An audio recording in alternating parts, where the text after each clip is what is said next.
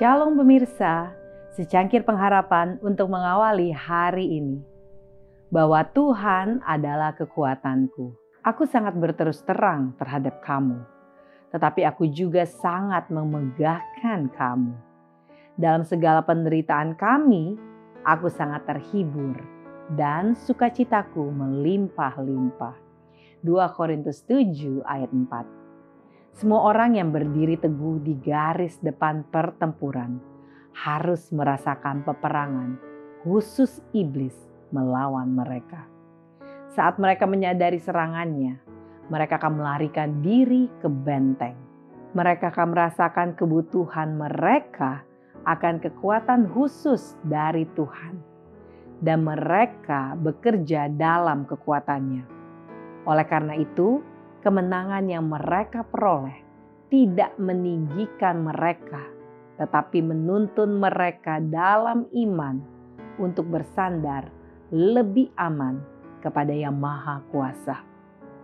Rasa syukur yang dalam dan sungguh-sungguh kepada Tuhan terbangun di hati mereka, dan mereka bersuka cita dalam kesengsaraan yang mereka alami saat ditekan oleh musuh.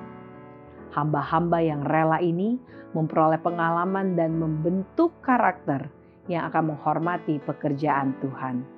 Testimonies for the Church, jilid 2 halaman 510.